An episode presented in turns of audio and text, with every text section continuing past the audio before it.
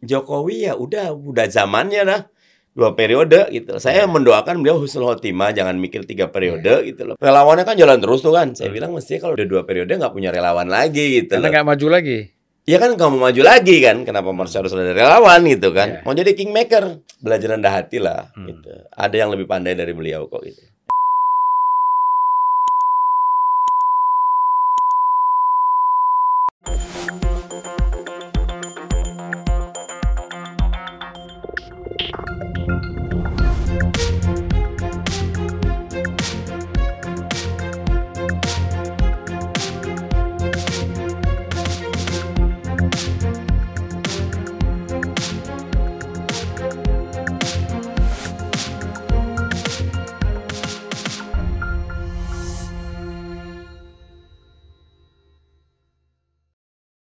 Sebenarnya kawan-kawan sudah mendiskusikan lama kapan ini kita ngundang Mas Mardani Alisera. Ya saya bilang cobalah lihat waktu kita juga, lihat waktu beliau. Kapan ini bisa ya untuk sini. Alhamdulillah. Sekarang Ketua DPP PKS dan juga anggota DPR RI ya. Terima kasih lah ya di, di tengah-tengah kesibukan Senang Tapi saya masih- senang. masih sempat ke sini ya. Walaupun takut ini unpacking. Enggak lah. Kita ini kan sebenarnya apa ngobrol santai aja. Siap. Ya. ya saya sekarang kan boleh dibilang ada jarak ini dengan Nasdem. ya, karena sekarang hanya ada nomor KTA saja. Jadi terpaksa saya sekarang menanyakannya kepada Mas Mardani ya. Apa benar nih sekarang koalisi belum terbentuk antara tiga partai ini PKS, Nasdem dan eh, Demokrat. Selama belum dideklarasikan dengan tiga ketua umum bicara bersama dan ditandatangani, Ya. belum terbentuk. Tetapi prosesnya memang sangat dinamis dan sangat eh, hangat. Ya, dinamis itu menunjukkan ada banyak Ya. eh, quote unquote perbedaan lah. Karena Ya. bagaimanapun PKS Partai Islam, Nasdem punya platform, Ya. Demokrat juga, tetapi hangatnya kita saling memahami perbedaan itu dan put Hmm. all the thing on the table. Ya, ya. Jadi Ya, menarik. kalau soal presidennya kan udah nggak ada masalah ya. Capresnya ya. Saya melihat yang masih banyak dibicarakan ini persoalan cawapres. Apa betul itu? Kalau eh, dari PKS tiga ya, eh, cawapres itu salah satu ujungnya. Yang pertama tentu eh, bentuk pembangunan seperti apa. Kita Hmm. sebutnya platform. Ya, Kan platformnya. kita di PKS kan punya platform pembangunan PKS. Kita Hmm. ingin eh, bahwa eh, politik gagasan, politik kebijakan Hmm. eh, mulai menjadi eh, arus utama. Nah, Hmm. makanya pertama kita berharap platform pembangunannya Hmm. kita sepakati. Yang kedua, eh, tentu eh, strategi pemenangannya harus Hmm. kita sepakati. Nah, dari dua ini baru tuh ujungnya capres cawapres gitu. Ya, ya. Karena kita berharap capres cawapres harapan kami bukan sekedar individual tapi dia satu teamwork gitu. Hmm. Ya tapi kan kalau kita bicara platform ya pasti berarti harus menyamakan platformnya dulu kan antara tiga partai ini. Setuju, Ya. setuju. Tapi bagaimana agak sulit kan platformnya Nasdem dengan Demokrat tadi dengan platform PKS kan? Betul. Nah ini agak beda ini eh, upaya metode apa yang digunakan untuk menyatukan ini? Satu kesamaannya adalah mau musyawarah. Hmm. Jadi ada perbedaan eh,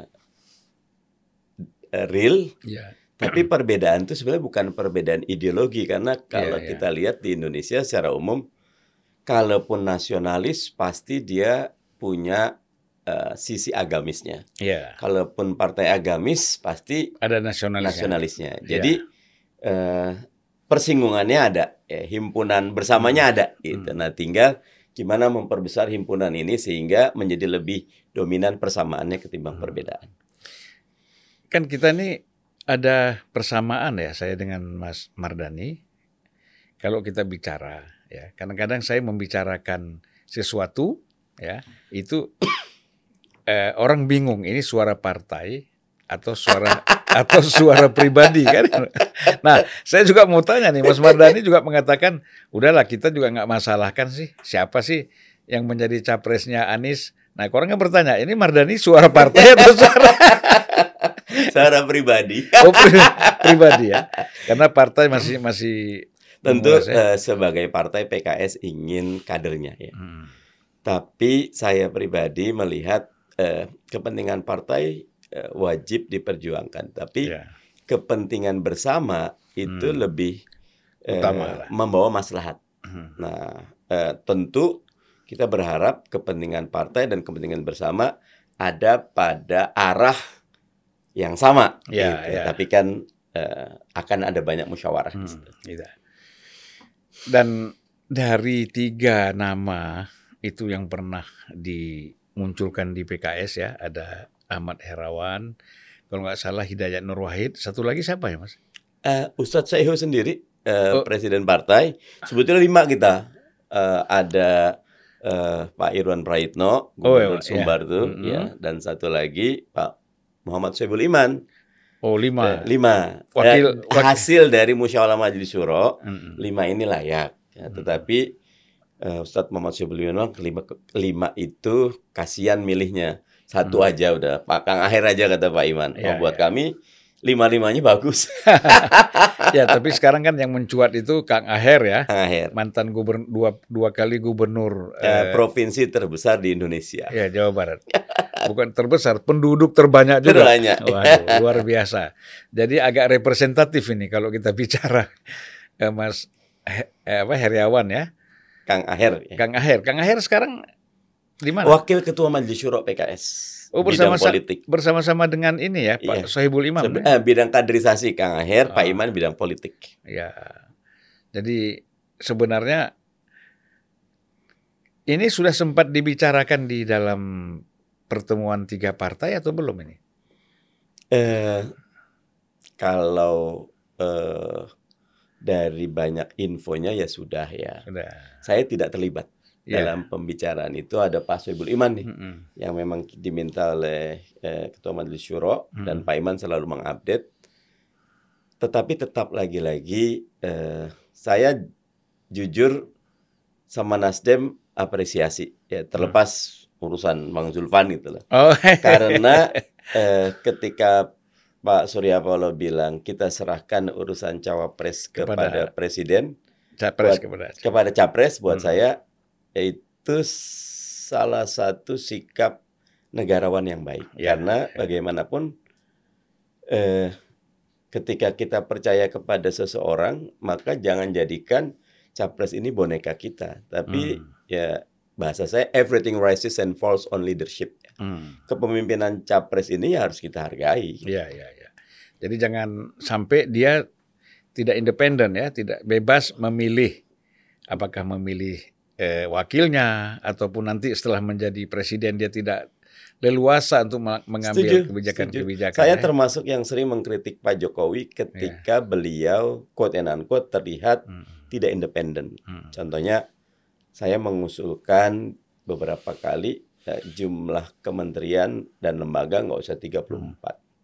Kalau negara-negara maju 15 sampai 20 kementerian sehingga hmm. eh, koordinasi uh, efisiensi bisa optimal. Kalau yeah. sekarang kan kayak bahasa saya eh, jual beli kayak uh, transaksional gitu. Hmm. Saya dapat berapa menteri, makanya hmm. karena banyak harus banyak kementeriannya. Iya, Akhirnya yeah, yeah. centang perenang. Sayang. Benar, benar. Sayang. Gak efektif ya. Ya kalau kita lihat ini kan ya betul seperti Pak Jokowi mengatakan jangan terburu-buru. Tapi kan harus ada batas waktu ya.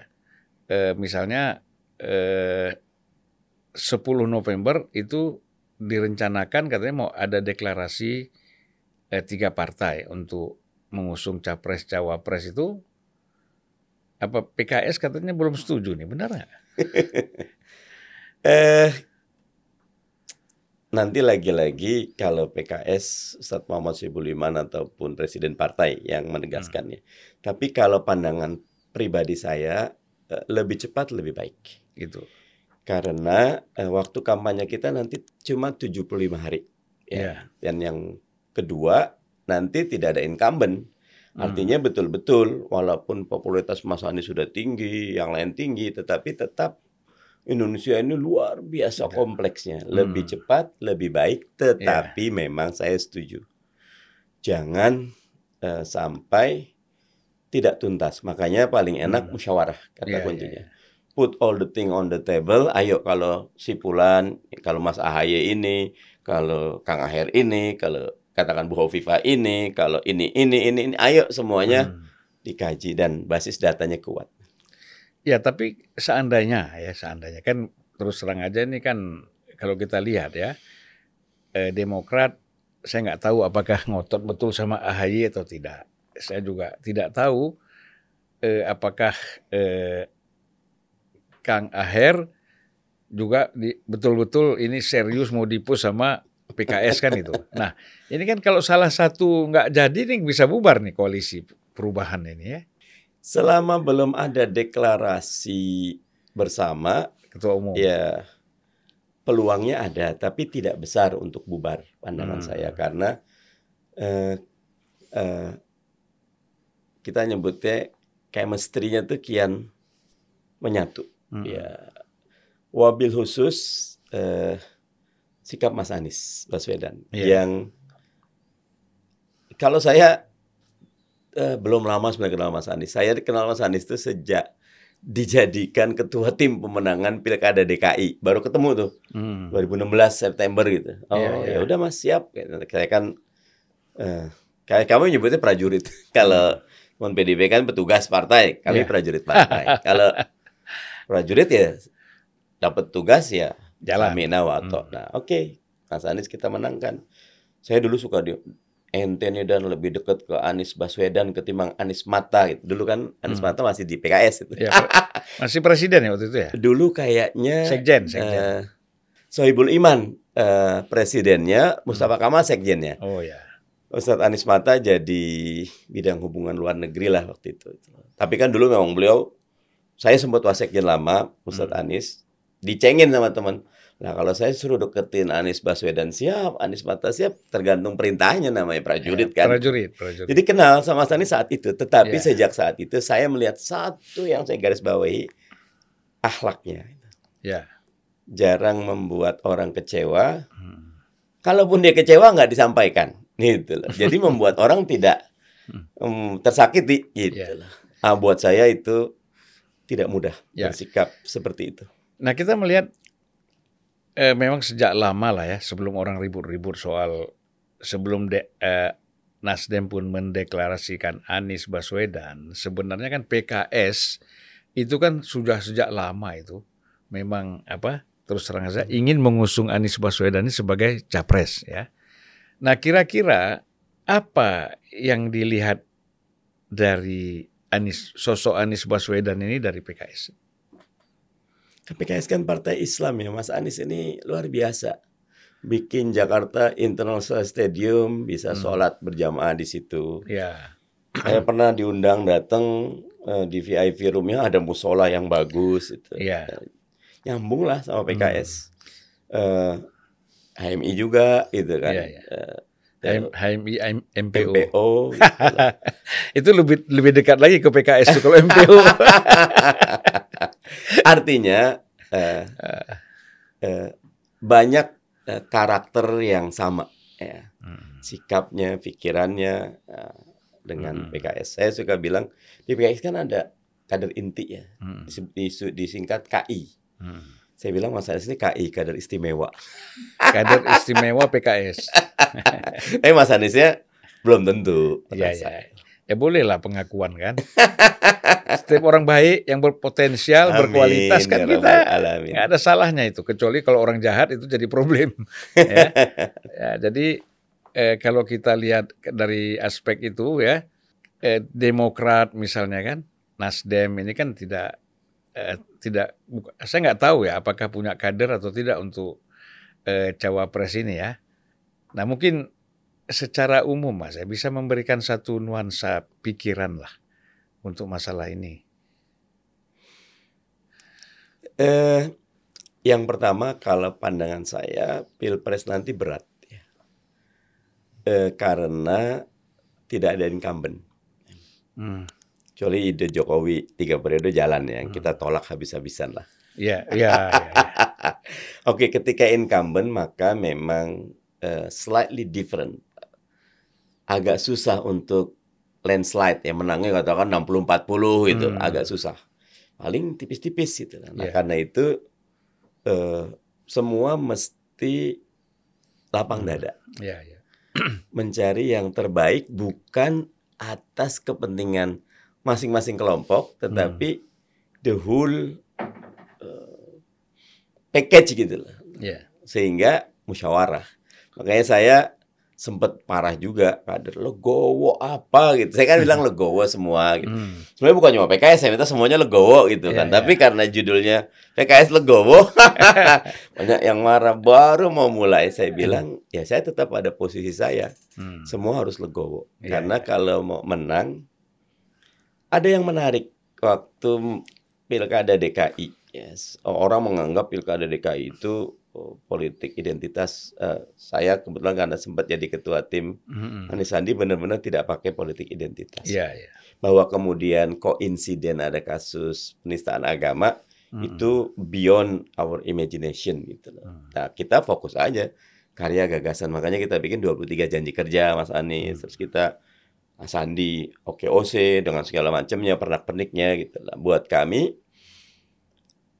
pilkada DKI itu menunjukkan Anies Baswedan itu hmm. uh, unpredictable kandidat. Nggak ada tuh sampai sebulan terakhir nama Anies nggak muncul gitu. Yeah, yeah. Tapi tiga hari terakhir semua legowo. Hmm. Kayaknya yang paling cocok dengan segala pertimbangan karena Pak Ahok sangat hmm. popularitasnya penerimaan publiknya tinggi artinya almost unbeatable kalau bahasanya saat itu ya saat hmm. itu Iya, Legowo ah menang. Nah, yeah. saya pikir kalau kita mau Legowo menang 2024. Iya. Tapi kan begini, Mas. Eh, ini kembali lagi persoalan eh, internal partai masing-masing ya. Ini kan merasa boleh kan?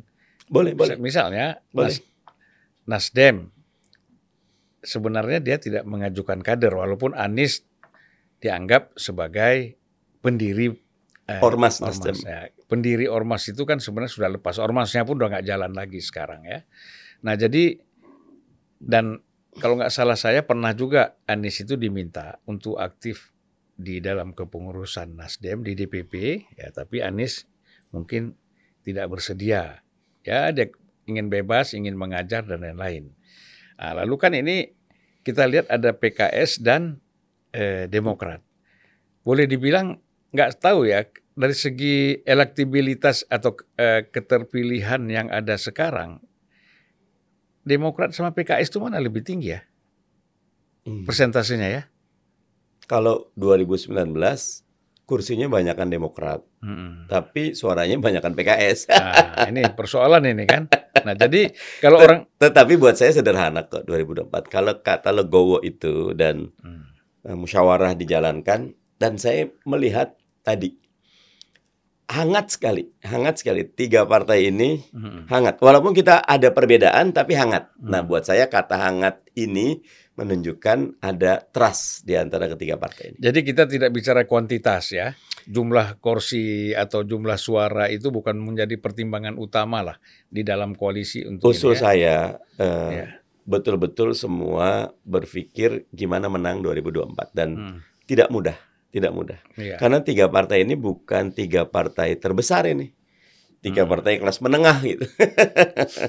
Sehingga harus betul-betul jangan merusak tren kepercayaan publik yang cukup tinggi yeah. kepada Mas Anies dengan uh, menunjukkan bahwa kita ada perbedaan yang uh, tajam.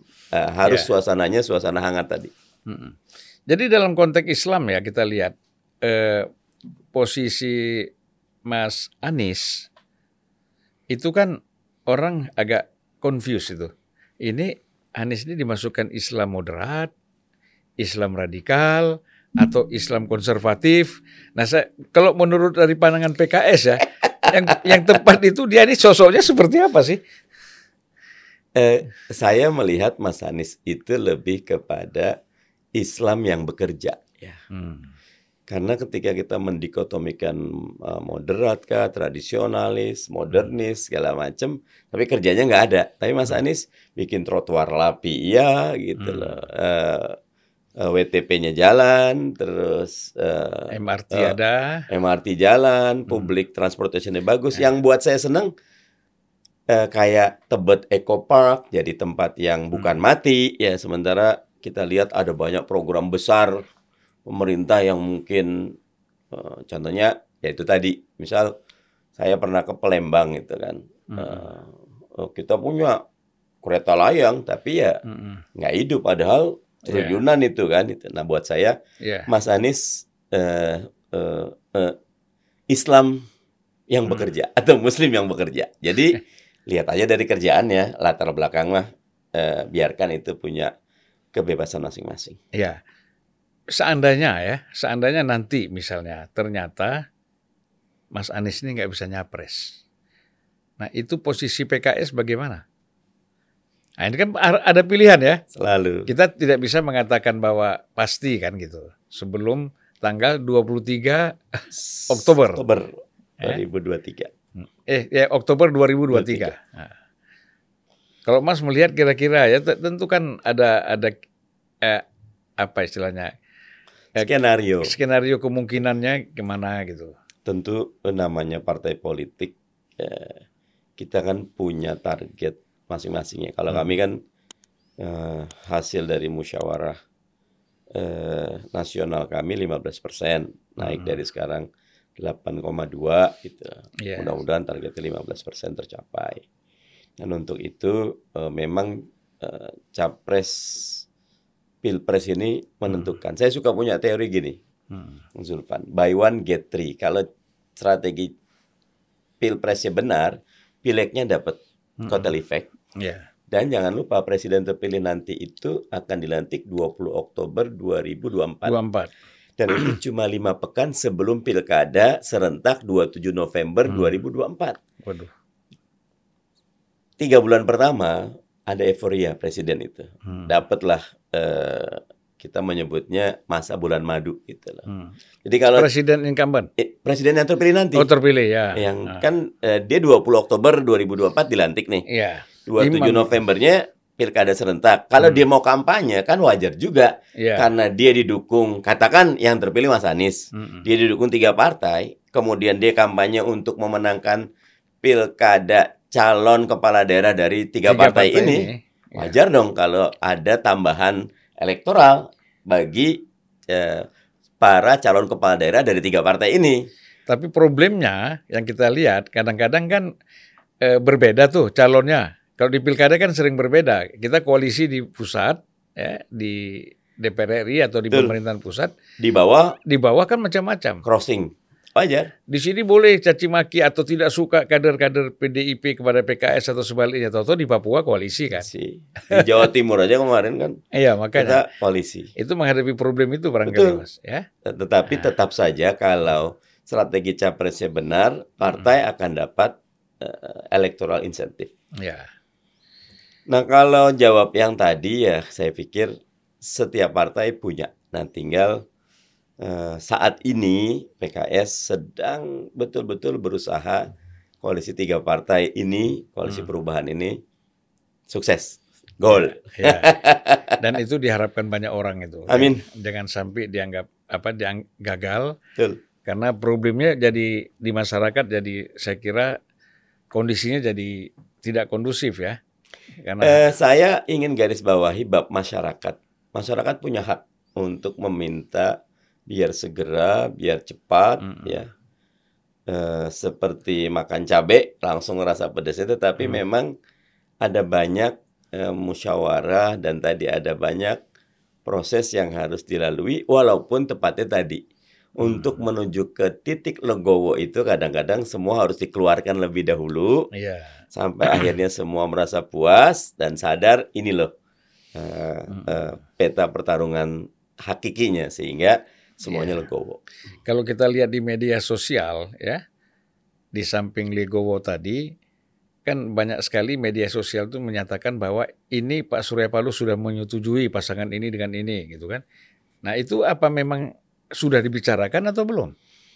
Eh, sering kali media ini sama seperti masyarakat pengen cepet-cepet hmm. satu versi disampaikan, hmm. tetapi uh, uh, uh, saya menyebutnya uh, apa ya uh, versi ini adalah versi harapan itu loh, bukan yeah. versi realita. Hmm. Uh, sabar semuanya, ketika legowo sudah tercapai, pasti tiga ketua umum itu akan bareng-bareng diri mengumumkan, ya, ya. bareng okay. capresnya gitu. Berarti ini sama-sama menunggu kan di samping koalisi perubahan ada KIB ya, P3, Golkar, PAN, kemudian ada koalisi Gerindra dan PKB. Teman-teman PKB. Nah, ini apa saling menunggu nih? Karena saya lihat KIB belum juga ya, kemudian PKB Gerindra kan sudah dua partai ini mencukupi, tapi belum juga. Kemudian eh, PDIP yang bisa sendiri juga belum ya. Nah ini ada apa ini sebenarnya? Eh, kalau kalkulasi politiknya karena memang misal PDIP mengajukan Ganjar akan sangat berbeda kalau PDIP mengajukan Mbak Puan, katakan gitu loh. Mm -hmm. PDIP maju sendiri akan sangat beda dengan kalau PDIP ngambil uh, beberapa partai koalisinya Pak Jokowi sekarang, misal yeah. itu akan sangat berbeda. Walaupun kalau pandangan pribadi saya itu seperti menunggu Godot. Mm -hmm. ya, kenapa? Semua bisa berubah. Mm. Ya, pandangan saya lebih baik semua partai fokus kepada uh, kita menyebutnya lingkaran uh, pengaruh ya bukan lingkaran kekhawatiran kalau Stephen Covey hmm. bilang gitu kalau lingkaran pengaruh yang bisa kita atur lingkaran kekhawatiran yang nggak bisa kita atur lebih cepat deklarasi lebih baik ya. dan saya termasuk yang sejak awal mengapresiasi KIB hmm. karena sudah mendeklarasikan diri sebagai satu poros yang sudah 20% walaupun catatan hmm. saya mestinya deklarasi koalisi sekalian deklarasi capres dan cawapres, cawapres. Hmm. itu utuh. Ya, ya.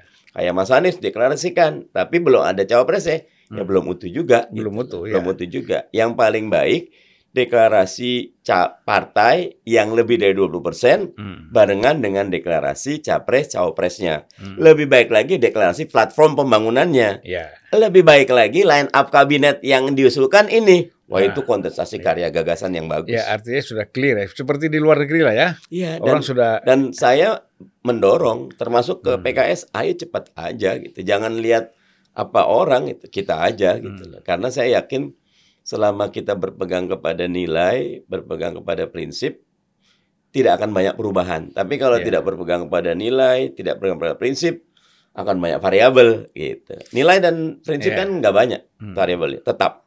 Jadi saya melihat itu suara PKS ini cenderung stabil ya dari pemilu ke pemilu. Artinya ya stabil lah ada bahkan ada ada ada kesan akan agak menaik gitu ya, agak meningkat. Nah, ini apa sih yang dilakukan oleh PKS sebenarnya? Orang sudah ngantam ya. Artinya dulu kan ada juga apa salah mantan pendiri PKS itu saya lupa namanya itu kan habis-habisan juga ngantem PKS dan macam-macam. Bahkan boleh kita bilang kalau partai lain ada presidennya yang ditangkap KPK, ada yang lain-lain, tapi ini kan PKS kelihatannya cenderung stabil. Nah, kira-kira apa sih yang dilakukan di internal ini, Mas? Eh, PKS ini kan uh, kekuatan terbesar di kader ya. Hmm. Kalau bahasa saya langit runtuh juga selama ada kader kita bisa bangun lagi lah. Ya, ya. Dan kader ini kekuatannya di proses kaderisasi. Ya.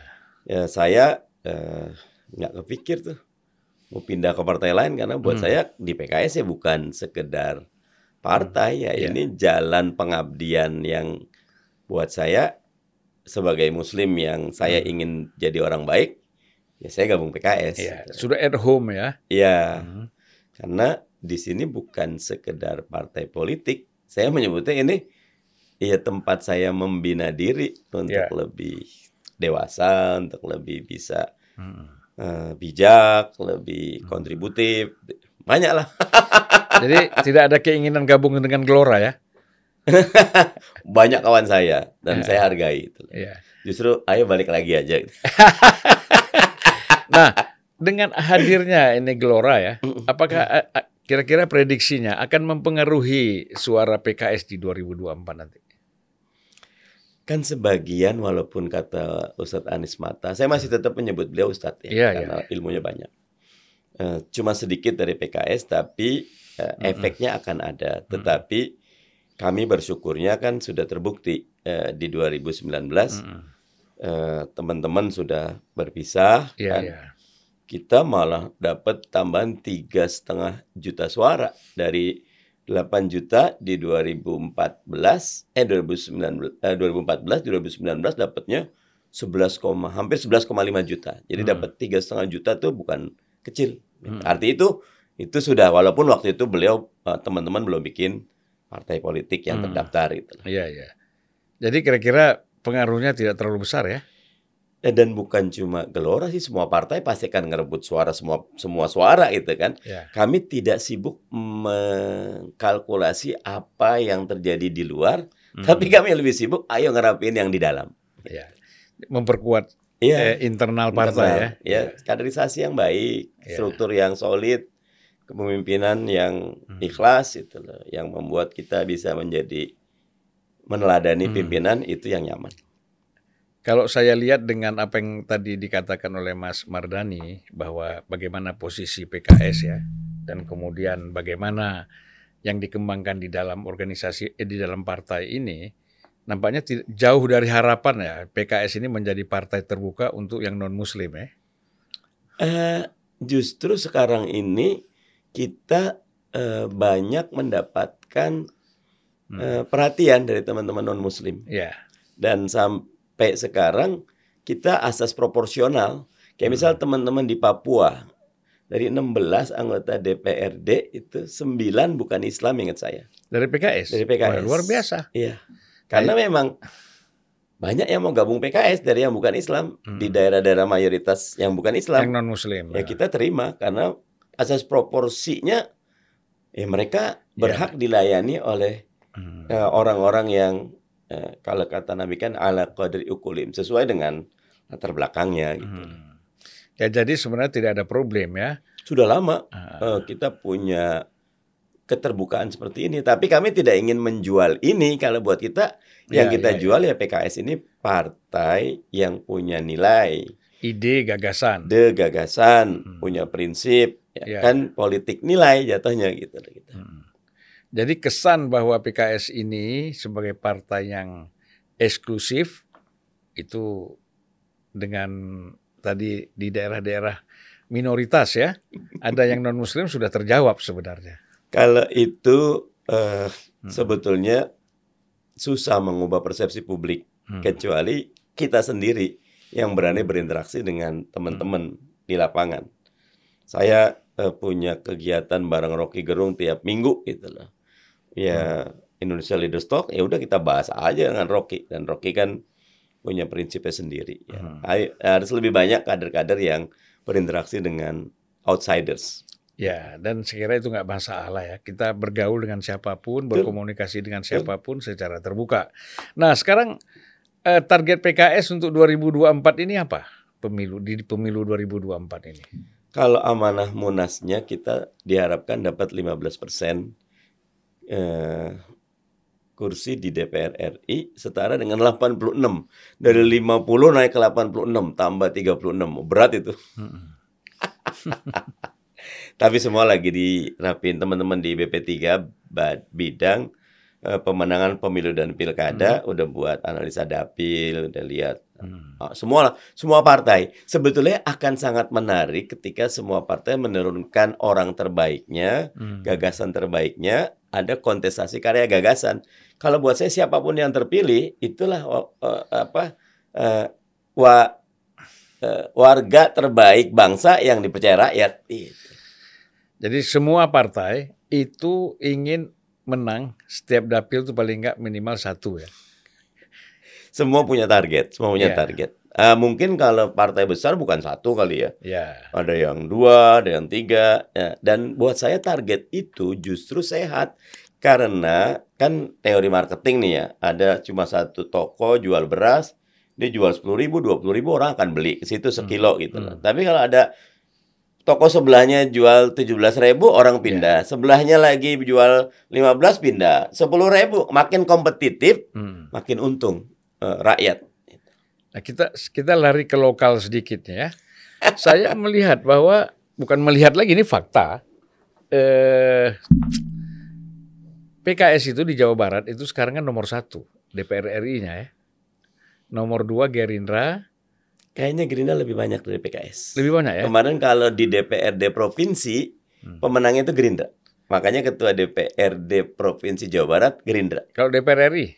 DPR RI saya harus ngecek dulu. Bisa jadi banyakkan Gerindra juga. yes. Ya antara Gerindra yeah. dengan PKS tipis lah ya. Nah ini kan saya ingat tahun 99 itu jaya sekali PDIP di sana ya. Nah, Golkar yeah. juga. Kira-kira yang menyebabkan ini ya, kok bisa Jawa Barat ini menjadi basis PKS? Ya kan? Beda dengan daerah lain dan itu konsisten nampaknya. Nah, ini apa faktornya ini, Mas? Kalau saya lagi-lagi kader ya, karena kadernya PKS paling banyak Jawa Barat. Oh gitu.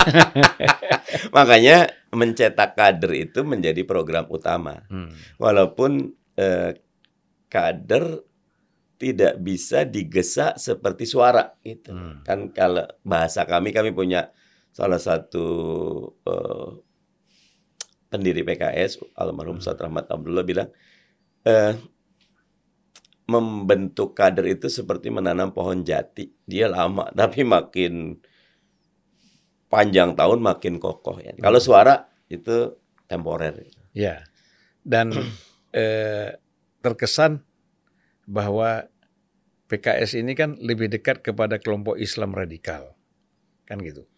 Nah ini Saya ngangguk tuh bukan setuju ya. Ya, ini ini, ini bagaimana menepisnya kan? Maksud saya begitu. Ya. Bahwa ini nggak benar gitu pandangan-pandangan seperti ini. Nah, bagaimana apa yang diupayakan oleh PKS misalnya? Ya, kadang-kadang ada uh, quote and unquote gerakan yang selalu hmm. Membuat PKS jadi misunderstood party, partai yang selalu disalahpahami. Hmm. Buat saya wajar saja orang punya karena kadang-kadang susah bedain tuh antara teman-teman salafi dulu teman-teman HTI dulu ya sama-sama jilbaban hmm. sama-sama suka jenggotan walaupun saya nggak jenggotan yeah. Iya.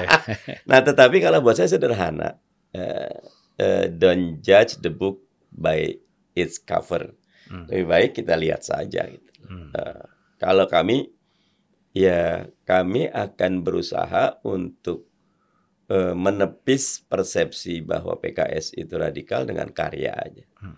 Kalau sibuk mikirin mereka ya nggak ya. kerja kerja kita. Apa bisa kita gitu. katakan begini bahwa PKS ini mau radikal, mau moderat, mau apa pun silahkan aja selama sesuai dengan platform PKS. Apa bisa gitu ya? Kalau ikut platform PKS tidak akan radikal.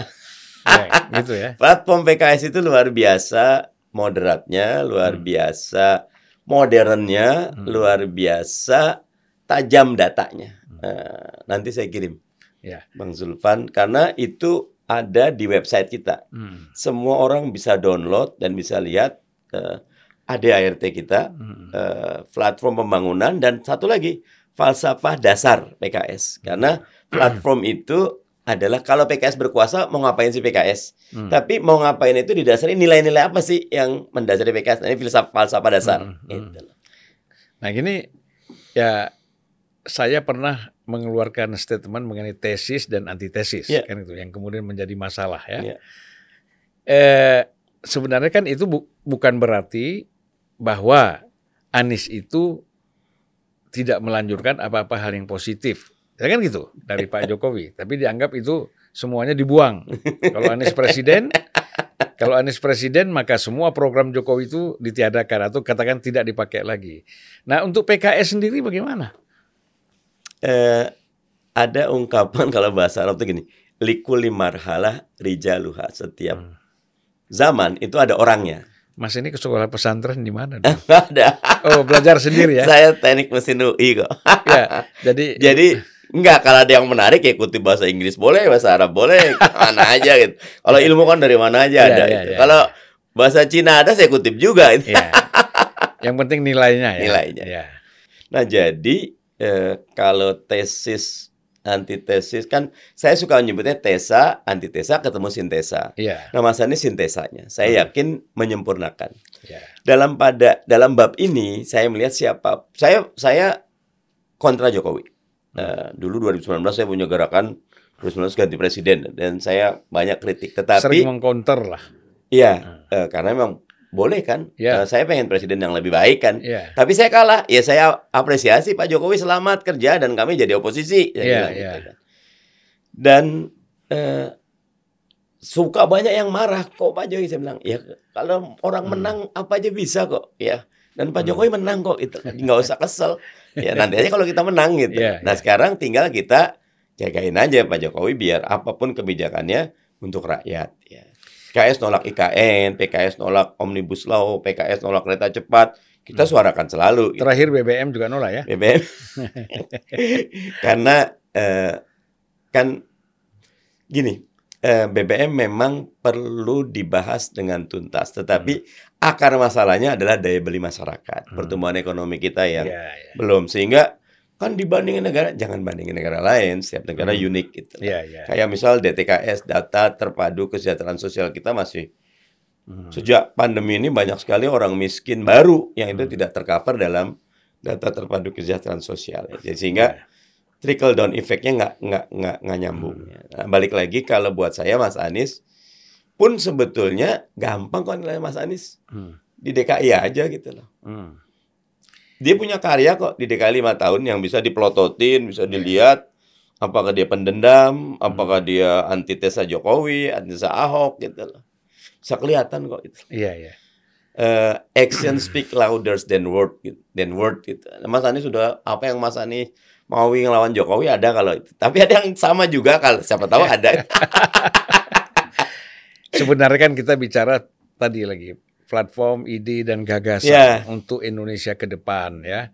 Supaya... Dan kalau saya boleh potong, ya kita Jokowi ya udah udah zamannya lah dua periode gitu. Saya yeah. mendoakan beliau husnul khotimah, jangan mikir tiga periode yeah. gitu loh. Pokoknya dua tahun terakhir ini betul-betul husnul khotimah. Habis itu yeah. ya udah selesai lah periode Jokowi gitu. Okay, Let Pak. the others yeah. open the blank sheet gitu lah. Seperti Megawati dan SBY ya. Ya. Udah santai, rileks. Masing-masing punya dan kita biasakan. Apalagi Pak Jokowi sudah punya cucu kan. Ah, jadi kan setelah dua periode ini kan bisa ngomong-ngomong cucu ya, tidak disibukkan lagi dengan program-program atau It, eh, it, it, it his choice itu terserah beliau gitu. Kalau beliau mau jadi ketua umum mana mau apa monggo aja. Kalau saya suka kritik relawannya kan jalan terus tuh kan. Saya hmm. bilang mesti kalau udah tiga periode, udah dua periode nggak punya relawan lagi gitu. Karena nggak maju lagi. Ya kan kamu maju lagi kan, kenapa harus harus ada relawan gitu kan? Yeah. Mau jadi kingmaker, belajar rendah hati lah. Hmm. Gitu. Ada yang lebih pandai dari beliau kok gitu. Ya, mungkin ini karena ada to be continued, ya kan? Misalnya apakah eh, Prabowo atau Pak Ganjar dianggap ini continuity-nya dari Pak Jokowi, maka relawan mau pindah ke situ barangkali. Bisa jadi ya. Kan saya punya pikiran, mereka juga punya pikiran. Hmm. Boleh saja, semua boleh punya pikiran selama hmm. ikut koridor konstitusi. Gitu. Ya. Mas, apa sih yang diharapkan? Bagaimana PKS ini? Kan gini, setelah kita melihat persoalan politik, persoalan ekonomi di negara kita, ya kan, berbagai macam masalah sosial, tentu ini kan PKS ini, waduh, ini kita kepingin seperti apa Indonesia yang kita inginkan ini? Kalau PKS sebenarnya kalau di falsafah dasar sama di platform jelas. Kalau bahasa sederhananya balda toyibah. Hmm. Itu kan negara maju. Hmm. Uh, pertumbuhan ekonominya hmm. sustainable. Hmm. Kemudian masyarakatnya uh, cerdas. Yeah. Kemudian sehat. Kayak suka ini. Pokoknya uh, pandai, kaya, sejahtera. Hmm. Ya. PKS. Hmm. Pandai, kaya, sejahtera. Orang suka meleset-melesetin. Intinya balda toibah. Yeah. Contohnya mana? Kayak Singapura boleh, kayak uh, Finlandia boleh, kayak Australia boleh. Pendapatan hmm. per kapita 17 ribu sampai 20 ribu dalam lima tahun ke depan. Kita punya kemudian rasio kontribusi perindustrian makin besar, hmm. jasa kita makin besar, top uh, 100 ranking university kita masuk di 100 besar, hmm. itu pekerjaan besar itu.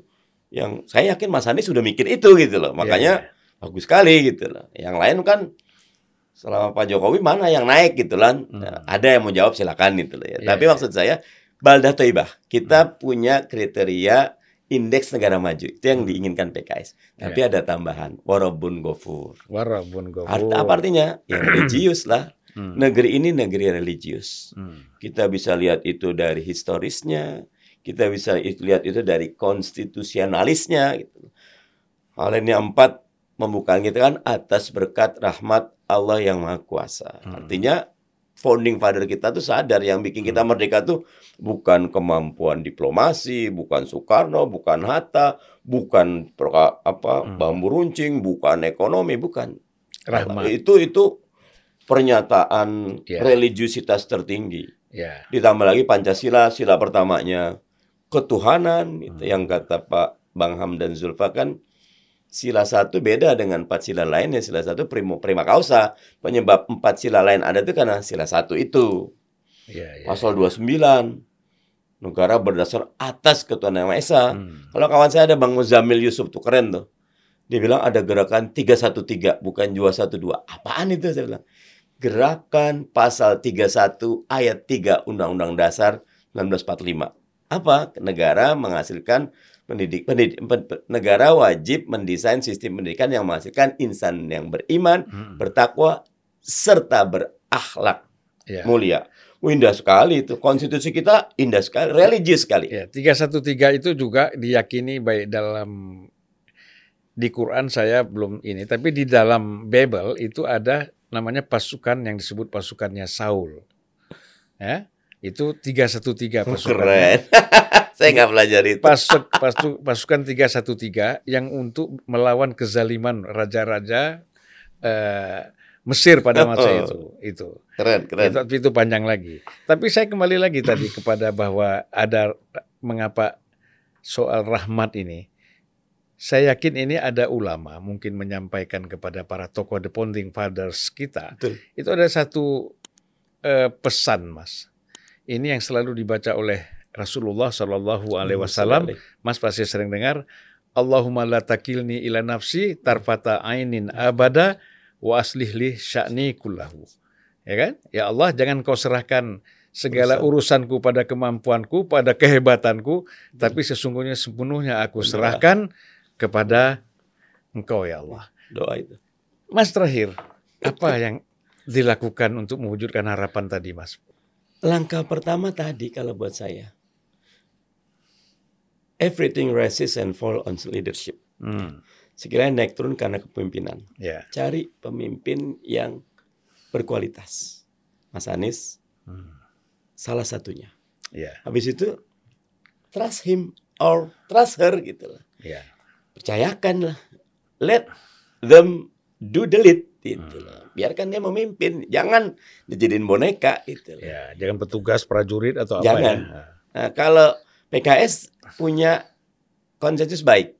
Pak Tifatul presiden, tapi jadi menteri dia mundur. Pak Hidayat hmm. presiden, jadi ketua MPR mundur. Kita berharap ketika dia sudah hmm. pertama kita when you serve your country, so berhenti yeah. serve yeah. party. Gitu. Kalau sekarang kan enggak mas, banyak ketua umum ketua umum partai itu justru menjadi menteri nggak mundur-mundur kan? Nah saya kemarin ditanya keputusan MK di mana menteri tidak harus mundur sebagai eh, calon presiden nggak harus mundur. Hmm. Saya bilang eh, eh, leaders itu tidak deal with the law. Hmm. Leaders itu deal with the ethic. Hmm. Kalau dia masih enggak aturan main part, pasal lah, yeah, you are not yeah. leaders. Yeah. You are not leaders. When you are leaders, no, dia harus negarawan. Yeah. Etiknya apa? Ngurusin menteri itu udah berat banget. Yeah. Capres super berat. Dua ini disatukan. Anda tidak mikirin rakyat. Anda mikir diri Anda sendiri. Dan di, dan di samping itu kekhawatiran memanfaatkan fasilitas negara pasti, kan? Pasti peluangnya ada. Ya, yeah. pasti. Nah, kalau saya sederhana, kalau Anda mau jadi leaders tapi Anda tetap pengen tetap menikmati itu kalau kata Rocky bukan leaders dealers itu memang kalau kita lihat ya bahwa saya Mas tahun 81 itu saya coba ke pernah ke Kuala Lumpur saya melihat kampungan banget nih Malaysia ini. Ya. Kira-kira yang namanya Petaling Jaya itu seperti Tanah Abang. Yeah. Tetapi begitu Mahathir yang menjadi Perdana Menteri, kita lihat itu luar biasa perkembangannya. Memang saya setuju sekali bahwa leader itu penting. 69 persen masyarakat Singapura mengatakan Singapura itu maju karena seorang Lee Kuan Yew. Ya, sama dengan Cina. Tanpa Deng Xiaoping, Xiaoping 83 China, itu. Ya. Jadi let the leaders grow up and yeah. cherish itu. Dan makanya di pemilihan cawapres juga saya agak setuju udah sering ke Mas Anies gitu. Bukan karena saya dekat sama Mas Anies tapi yeah, yeah, yeah, yeah. that's the way the ethics itu. Hmm. Walaupun saya tetap PKS itu. Yeah. Mas kita sudah sampai di ujung ini. Mungkin ada closing statement yang perlu disampaikan. Nggak ada. Eh? Kalau saya seneng bisa pesan-pesan aja lah. Dialog. Kalau pesannya tadi ethics. Hmm.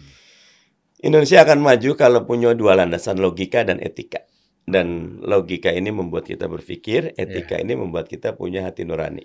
Yeah. Kalau dua ini dijadikan dasar pemimpin dan dijadikan dasar para rakyat kita, hmm. maju kita. Yeah. Dan logika ini sekarang sudah jarang dipelajari orang dan di sekolah-sekolah nggak ada lagi pengantar logika atau pelajaran logika. Dan logika lah yang membuat tadi ketika uh, kalimat antitesis jadi rame karena lemah di logika. Iya. Kalau kuat di logika itu biasa aja biasa, kok gitu loh. Biasa aja. ya jadi satu lagi memang kita perlu memperkuat matematik ya supaya lebih kritis, logik, lebih cerdas. Logik. logik. Ah. Saya punya sekolah, salah satu dasar kami itu uh, uh, logika, logika dan logika. Ya. Logika itu perlu kebebasan. Atau dulu banyak anak muda yang baca Madilog ya. ya mungkin materialisme jadi perdebatan, iya. ya kan? Tetapi kan kalau bicara soal logikanya kan sama semua kita. Itu. Baik, Mas Mardani Alisera, kami Nyuwun sewu eh, kalau bahasa Jawanya. Ya, terima kasih. ya, mudah-mudahan ini sukses selalu. Sangat bermanfaat. keren. ya, ya tentu kita senang juga kalau mau dipromosikan oleh Mas Mardani ini, sebagai tokoh yang populer ya. senang. ya eh, kita kan di sini berupaya agar pikiran-pikiran yang negatif terhadap siapa pun itu memang ya. perlu diungkapkan supaya orang tuh bisa bersilaturahmi Betul. ya tidak mencurigai kan itu paling Betul. penting itu salah satu Indonesia ini besar nah. sesulit kalau kita saling curiga ya makanya saling kenal aja makanya unpacking Indonesia ini sebenarnya salah satu mutunya adalah amal ma'ruf nahi mungkar ya. Terima kasih Mas. Assalamualaikum warahmatullahi wabarakatuh. Sampai jumpa lagi. warahmatullahi wabarakatuh.